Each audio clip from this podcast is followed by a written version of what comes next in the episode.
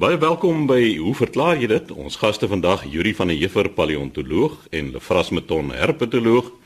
Yuri, ons gaan begin by jou. Dis 'n vraag wat ook al 'n rukkie gelede by ons aangekom het en dit handel oor 'n koei met 5 bene. Chris, wat Hannes Engelbreg van Bloemfontein gedoen het, hy het vir ons 'n uh, koerantberig aangestuur inderdaad van 'n os met 5 bene wat op 'n veiling verkoop is. Die os is nou gebore met 5 bene en hulle het ook aangeklop by een van die veeartse, Dr Werner Hamming of Hamming en gesê dat die verskynsel baie min voorkom nou. As 'n mens na die os kyk, hy's doodnormaal behalwe dat op sy skof aan die linkerkant hang daar 'n addisionele been wat nou nie heeltemal ontwikkel is nie. En ek neem aan die vraag wat Hannes Engelbreg nou wil vra is, hoe gebeur sulke goed? Nou, dit is nie onbekend dat sulke insidente plaasvind in die embriologie nie, want embriologie is baie komplekse proses wat plaasvind. Baie goed kan daarop inwerk. Ons weet dat in sekere gevalle temperature verskil maak. Hulle vras nê by reptiele oor of dit nou mannetjies of wyfies gaan wees. Maar by werveldiere is dit 'n uiters gekompliseerde proses en my idee hier is wat gebeur het vroeg in die embriologie is dat daar op die ontwikkelende embriootjie het daar 'n klein stukkie begin loskeur van die groter aantal selle. Nou as 'n mens nou daaraan dink dat enige werveldier of jy nou 'n mens of 'n walvis is of 'n vleermuis, begin jou lewe as 'n enkele sel. 'n Ovum wat bevrug word deur die spermsel, dan jy is groot en om nou 'n soogdier te vorm of 'n mens met triljoene selle in die liggaam, moet die goed begin verdeel en selfs van die vroegste oomblik af is dit 'n baie goed georkestreerde proses. Die verdelings van daai sigoot is vasgelê geneties en dit vind op 'n spesifieke manier plaas. So as jy nou self dink, Chris, jy's nou 'n cricketkommentator, kom ons dink nou aan die sigoot as 'n cricketbal, as die enkele sel dan is die eerste deling van bo na onder toe dorsaal na vertikaal, want die ding het altaar twee pole, hy het 'n noord en 'n suidpool. Dan deur 'n komplekse proses vind daar dan so 'n kliewingsdeling plaas en jy eindig met twee dogtersel. Die volgende kliewingsdeling is weer van bo na onder, maar dit is 90 grade op die eerste deling. En dan eindig jy met vier selle, blastomere. Die derde deling is ook vasgelê en die is horisontaal. As jy nou na die cricketbal kyk en dan hier al om die middel het jy dan so 'n verdeling en dan eindig jy met 8 selle en alle verdere verdelings daarna is so georkestreer dat met elke verdeling deel al daai selle in 2. So na die 4 sel stadium kry jy 8 en dan 16 en dan 32 en so gaan dit aan dat 'n uh, panna nou ontwikkel dan het jy so 700 000 blastomere nodig om dit te doen en dan het jy na 23 verdelings baie soos bakterieë verdeel na 23 verdelings het jy 700 000 selle maar die program wat daai ding volgens werk is so uitgelê dat hierdie balselle wat 'n mens dan mee sit, elkeen van daai selle het 'n spesifieke toekoms. Nou baie vroeg in die embrio se verloop is dit so dat elke sel kan nog 'n volledige dier vorm. Hulle praat van die sel is pluripotent. En die sel kan nog in enige rigting gedruk word, maar soos die verdelings aangaan en aangaan, dan raak die selle nou geregistreer om of lewer of long of wat ook al te vorm.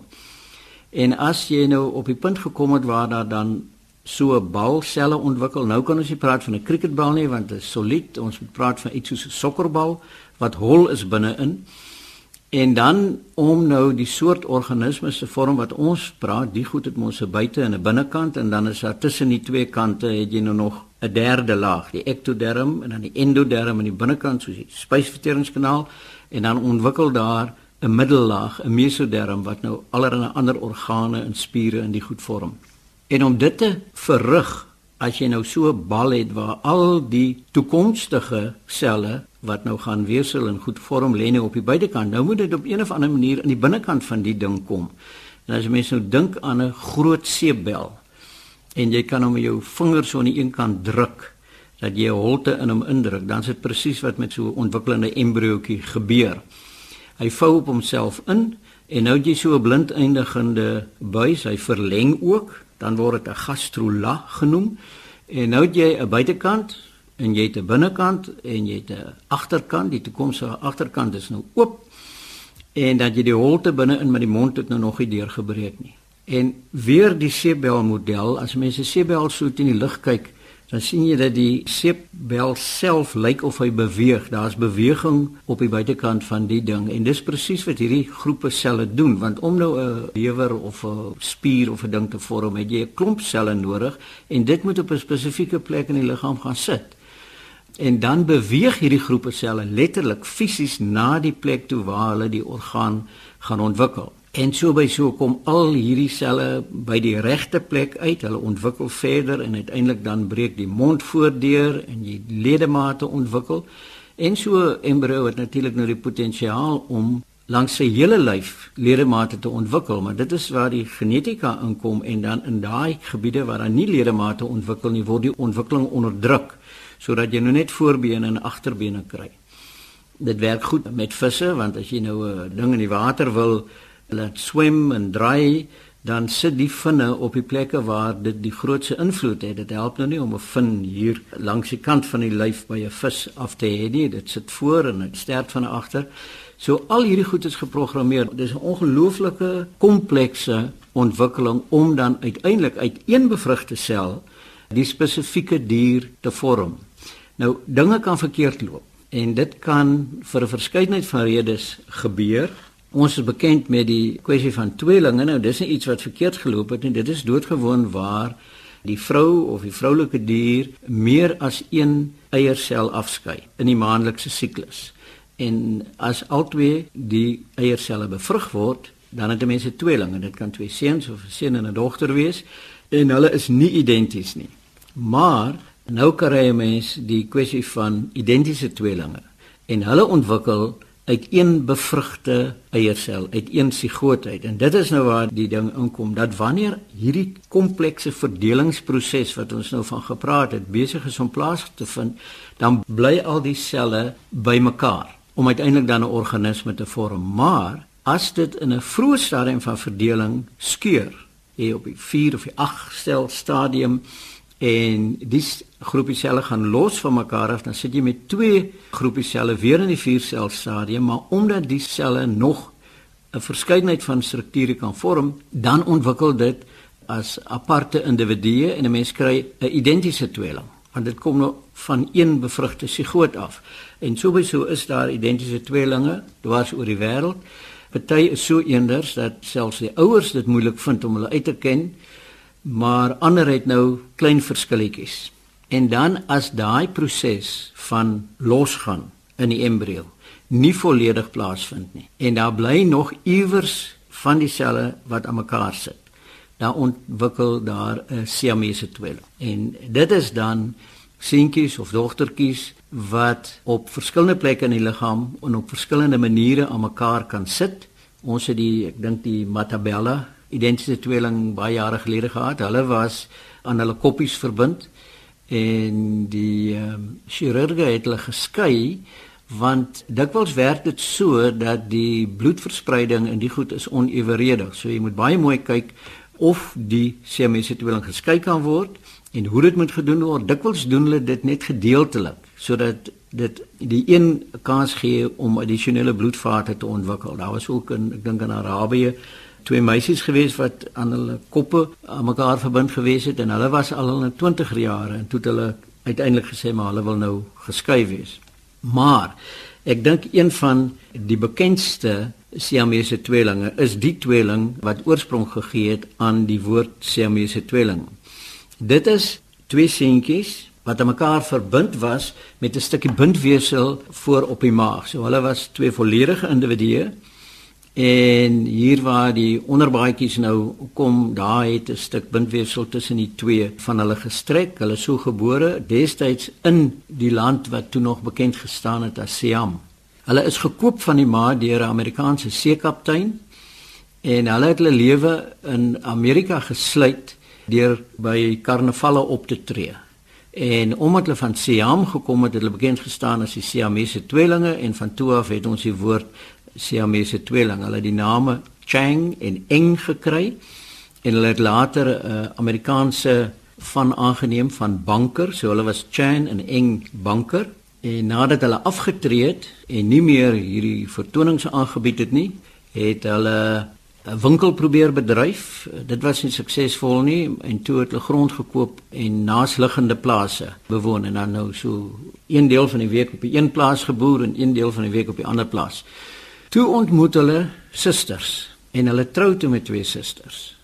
Hulle wou nooit geskei geword het nie. En die daaropvolgende 30 jaar het hulle tussen die twee van hulle 21 kinders gehad. Uiteindelik het die een gesterf en binne 'n kort tydjie daarna het die ander een ook gesterf.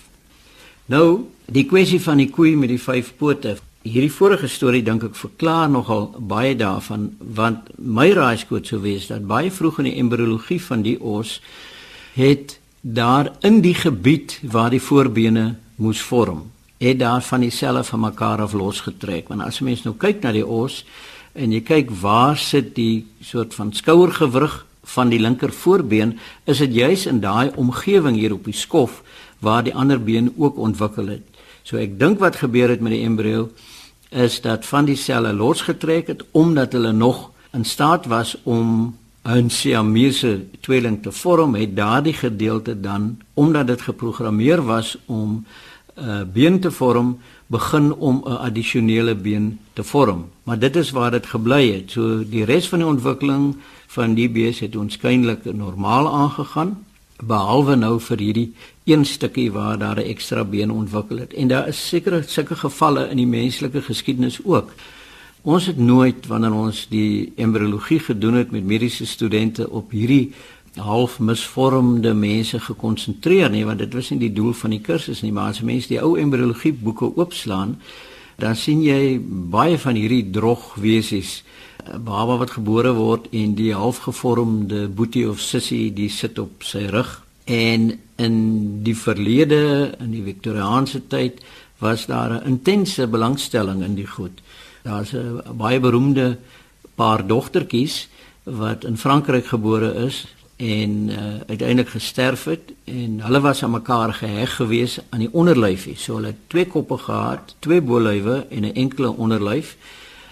En In daardie dae was dit 'n groot kontroversie geweest want hier het jy nou 'n individu wat uit een sel ontwikkel het, maar toe so ontwikkel het dat daar twee koppe was, twee breine. En gevolglik was die argument geweest maar het ons natuurlik nou nie hier te doen met een individu met twee siele nie, want die brein is tog die plek waar die siel sit. En dit het baie baie spekulasie veroorsaak en die Franse en die persoon wat hulle gedisserteer het het 'n makabere belangstelling seker daarin gehad want na die dood van die twee meisietjies is die geraamtes gepreserveer. Hulle is gedisserteer en vir baie lank in een of ander museum in Parys uitgestel dat mense kon kom kyk het na hierdie snaakse verskynsels. Laat mense sommer dadelik dink aan Saartjie Baartman op haar oorblyfsels is tot 1970 in Frankryk uitgestel. So ons het hierdie fascinasie met sulke makabre verskynsels, maar dit word baie mooi verduidelik deur die embriologie, die embriologiese ontwikkeling van so 'n individu en omdat dit so 'n komplekse proses is, is daar baie goed wat dit kan beïnvloed. En daarom is dit interessant, maar dit is nie so ongewoon nie. So sê Juri van der Heever, ons paleontoloog, Lefras, 'n luisteraar het aan jou geskryf oor 'n akedus met 'n gevurkte stert. Ja, Chris, uh, luisteraars Yuri, ons het 'n brief gekry van Mara van der Kolf, sy's van Stilfontein in Noordwes. Nou ek moet bieg, ek ken daardie noordelike dele nie baie goed nie, so ek het vinnig op 'n kaart gaan kyk en sien dit is so daar in die omgewing van Potchefstroom, net so suid van Potchefstroom. Sy sê ek was vanoggend te gekrok om kerk toe te gaan en luister toe heel lekker na hoe verklaar 'n mens dit. So in die lê en toe besluit ek ek moet my vraagie vra. So 6 tot 8 maande gelede werk ek in my agterplaas en sien toe van hierdie bruinerige akedisse daar rondskarrel. Hier is baie van hulle alhoewel sokkies my kat natuurlik sy bes doen om die bevolking uit te dun, maar hulle selde in die hande kry. Tot vir my verbasing sien ek toe een met 'n gevurkte stert, baie duidelik gevurk, nie so slapperig sonnebeentjies binne-in soos daardie stertjies wat later uitgroei na die afval nie. Met ander woorde as die stert nou afgegooi word. Ek kon hom nie weer kry nie. Ek kon toe nie 'n foto neem nie. Verlede week sien ek hom wraggies toe weer daar vroetel. Die vraag is nou hoe dikwels sien 'n mens 'n gevrugte stert by 'n akedus? Nou Yuri, hierdie vraag sluit in 'n groot mate ook aan by die embriologie. Ja, ons weet natuurlik by akedusse baie van hulle gooi die stert af as 'n verdedigingsmeganisme en dan groei daar weer 'n nuwe stertjie uit. Ek dink ons het redelik onlangs ook daaroor gesels en uh as die stert dan nou weer uitgroei, is daar nie wervels in die stertie. Dit is maar so 'n kraakbeenstaaf wat dan nou uitgroei en hy kan nie weer daardie kraakbeenstaaf kan nie breek net die breekvlakke is altyd binne-in of tussen wervels.